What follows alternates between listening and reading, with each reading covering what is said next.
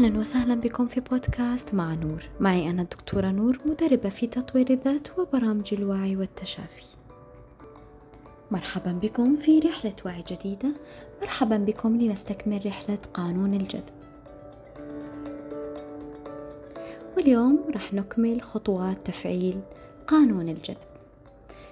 هل تعلم سابقا أن دماغك لا يستطيع أن يفرق بين الحقيقة والخيال؟ يعني إذا تخيلت مثلا أنك سافرت إلى الفضاء ولا تخيلت أنك شخص ناجح ولا تخيلت تخرجك بعد كم سنة ولا تخيلت ترقية في العمل ولا تخيلت بيت كبير وأنك تعيش في بيت فخم دماغك راح يصدق ذلك بالفعل والشيء الجميل أنه راح يشتغل تلقائيا في جذب ذلك الشيء. لكن لابد أن تكون مشاعرك صادقة ولا تتضارب مع الواقع. ولابد أن تكون الأشياء اللي قاعد تتخيلها قابلة للتحقيق على أرض الواقع. وهذا الشيء أخذناه في طريقة جذب الأهداف القابلة للتحقيق والقابلة للقياس. لأنك لما ترفع سقف توقعاتك راح تدخل نفسك في مرحلة شك من عدم إمكانية تحقيق النية وتجليها. لذلك عليك أن تستغل قدرتك على التخيل. لأن التخيل هنا يفعل قانون الجذب لديك. أطلق الحرية والعنان لخيالك. استشعر كل شيء. تخيل كل شيء بأدق تفاصيله. مثلا أنت قاعد الآن تتخيل يوم تخرجك. تخيلي وانتي قاعدة تتخرجين. تخيلي طريقة مشيتك ولبسك ذاك اليوم والأشخاص اللي كانوا متواجدين في قاعة التخرج. وتخيلي مشاعرك. استشعري الفرح والسعادة والفخر بنفسك. استشعري المشاعر الإيجابية وقتها. استشعري حضنك لأمك وأنتي قاعدة آه قاعدة تتخرجين. استشعري كل شيء وتخيليه وخلي مشاعرك صادقة.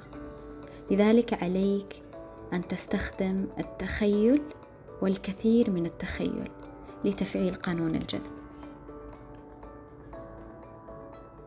أنت حددت الهدف وتعرفت عن طر... على طريقة التخيل لجذب هذا الهدف وجاتك الكثير من الفرص. استغل هذه الفرص.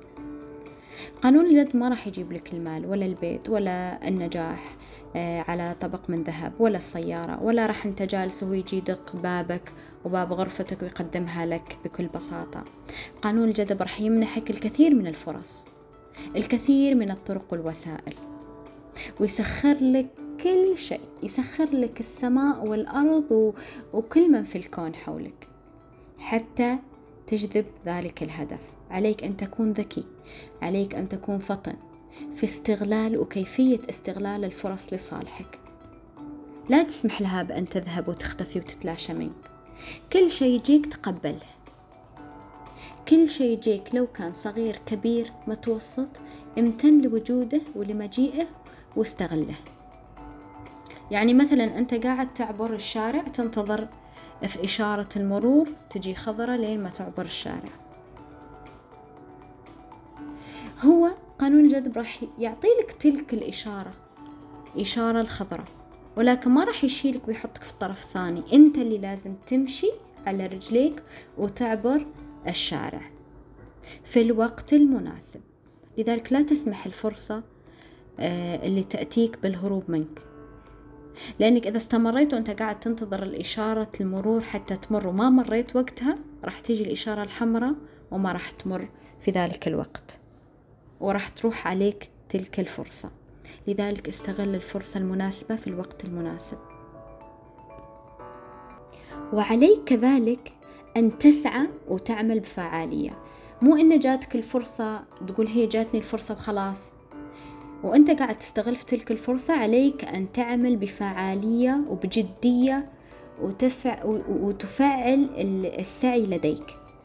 يعني لازم تحط خطوات ثابتة وصحيحة وفعالة وترسم لك طريق بدقة وواضح وتبدأ في تنفيذ الهدف لديك بطريقة إيجابية وبطريقة دقيقة. مستغلا بذلك كل الفرص اللي جاتك كل الفرص الموجودة من حولك.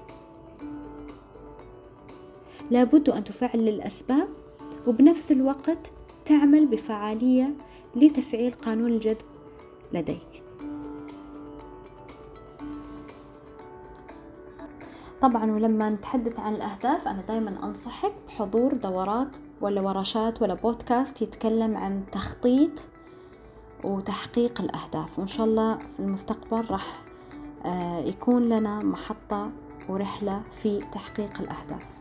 وراح تتعرف عليها أكثر في استغلال الفرص ونقاط القوة وكيفية معالجة التحديات وكيفية السعي والعمل على الأهداف بشكل صحيح وناجح. أنت قاعد تعمل الآن بخطوات ثابتة. أحيانا جاتك بعض العرقلات. تيجي تقول لي طيب ماذا عن خطوات الفاشلة اللي ممكن أتعرض لها وأنا في طريقي لتحقيق الهدف. من الطبيعي أن تتعثر بعض الخطوات الفاشلة والكثير من الخطوات الفاشلة. أهم شيء أنك كل ما توقع تقوم يعني ترفع نفسك بنفسك.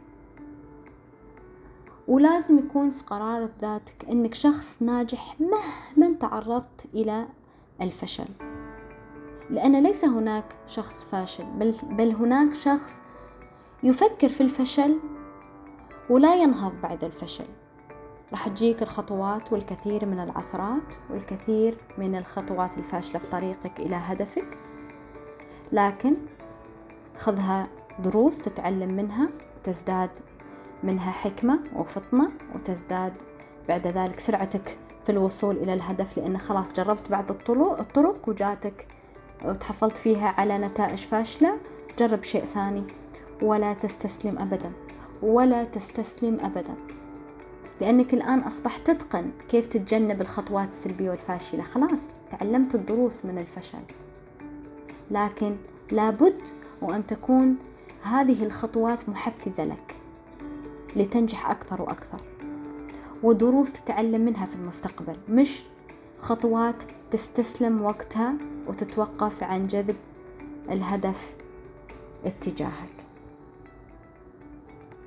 وأنت قاعد تشتغل في تفعيل قانون الجذب لابد أنك تجلس جلسة آه، تكتب فيها كل الأفكار اللي تجيك وكل آه،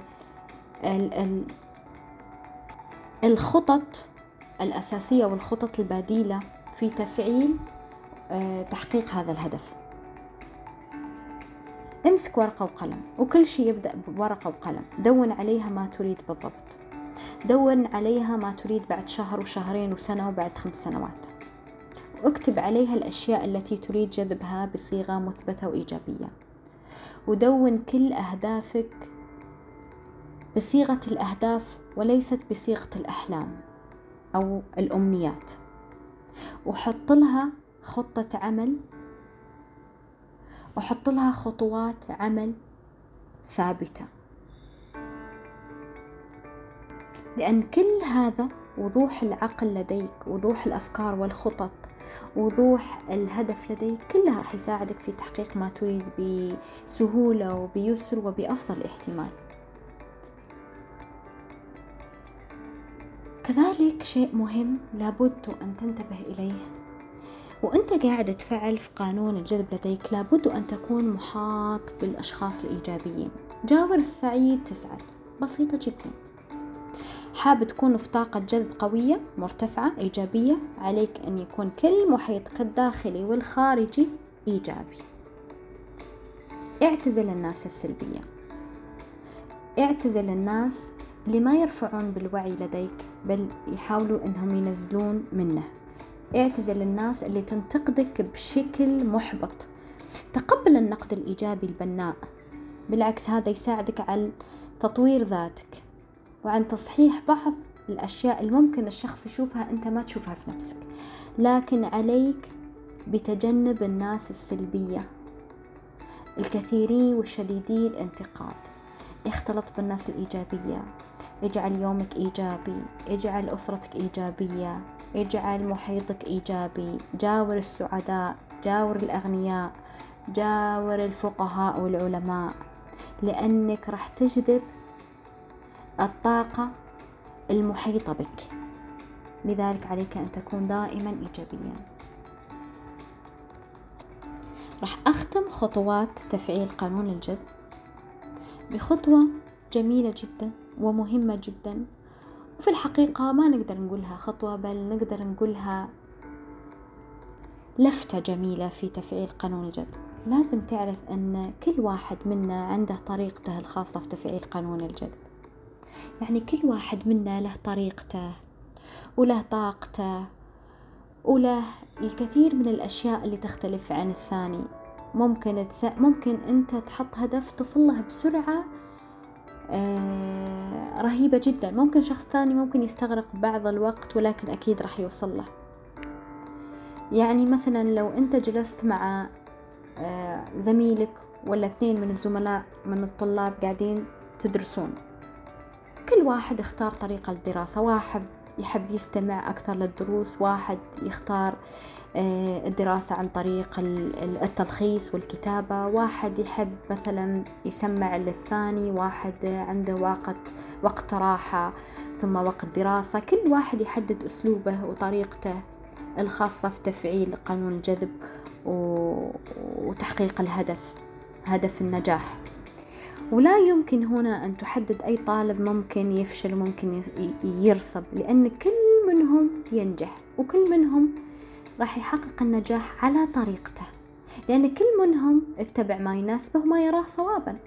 يعني أنت ممكن تشوف شيء تشوفه صحيح شخص ثاني أو أنا أشوفه غير صحيح ولكن هذا الشيء راح يشتغل معك وممكن ما راح يشتغل معاي. كذلك بالنسبة لقانون الجذب. راح تتبع الطريقة اللي تشوفها أنت مناسبة لك أنت وتشوفها صواب لك أنت وتشوفها تناسبك وماشية مع طاقتك. لذلك كل له طريقته الخاصة في تفعيل قانون الجذب. الآن راح أختم بتمرين أعطيكم إياه وحاولوا تجربوه لمدة 21 يوم في تفعيل قانون الجذب. أول شيء حدد هدف واحد حاب تشتغل عليه هذه الفترة. وكل ما تستيقظ صباحا من النوم وكل قبل ما تيجي تنام يعني عندك وقتين. وقت الاستيقاظ صباحا وقبل النوم بالليل. اسأل عقلك اللاواعي. هل تريد فعلا هذا الهدف؟ راح يقول لك نعم أنا أريده. قل له تمام. اسأله هل هذا الهدف راح يضيف لك الكثير في حياتك؟ راح يقول لك نعم سوف يضيف لك النجاح يضيف لك الخير يضيف لك أشياء كثيرة فيها خير لك وخير للمجتمع.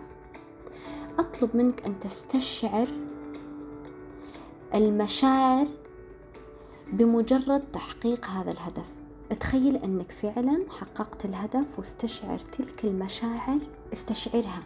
لأن كل ما تربط هدفك بالمشاعر راح تتحقق سبحان الله. الهدف راح يتجلى في حياتك وفي واقعك.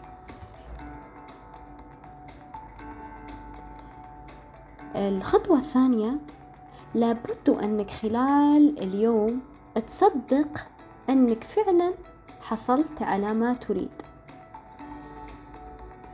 لازم يكون عندك يقين تام بأن هذا الهدف قريب منك ويتحقق بكل سهولة ويسر. ولازم تحافظ على طاقتك الإيجابية خلال اليوم كله. بشرط ما لازم تفكر فيه فوق اللزوم حتى ما يروح لك إلى قانون أو فكرة التعلق لأن فكرة التعلق راح تعيق الهدف وتجليه لديك. وهذا راح ناخذها إن شاء الله في قانون التجلي. أنت الآن حددت مع عقلك الباطن ماذا تريد وحددت المشاعر واستشعرت المشاعر الإيجابية ومشاعر السعادة بتحقيقك لهذا الهدف. وخلال يومك كلها تجيك ذاك اليقين والتركيز الجميل والإيجابي على جذبك لما تريد. احصل على ما تريد الآن. استمتع بالهدف الذي جذبته. لابد أن تكون لديك ذبذبات وترددات متوافقة مع هدفك في حياتك. إذا كان هدفك مرتفع وعالي وفيه إيجابية كبيرة وفيه سعي كبير لابد أن تكون طاقتك عالية.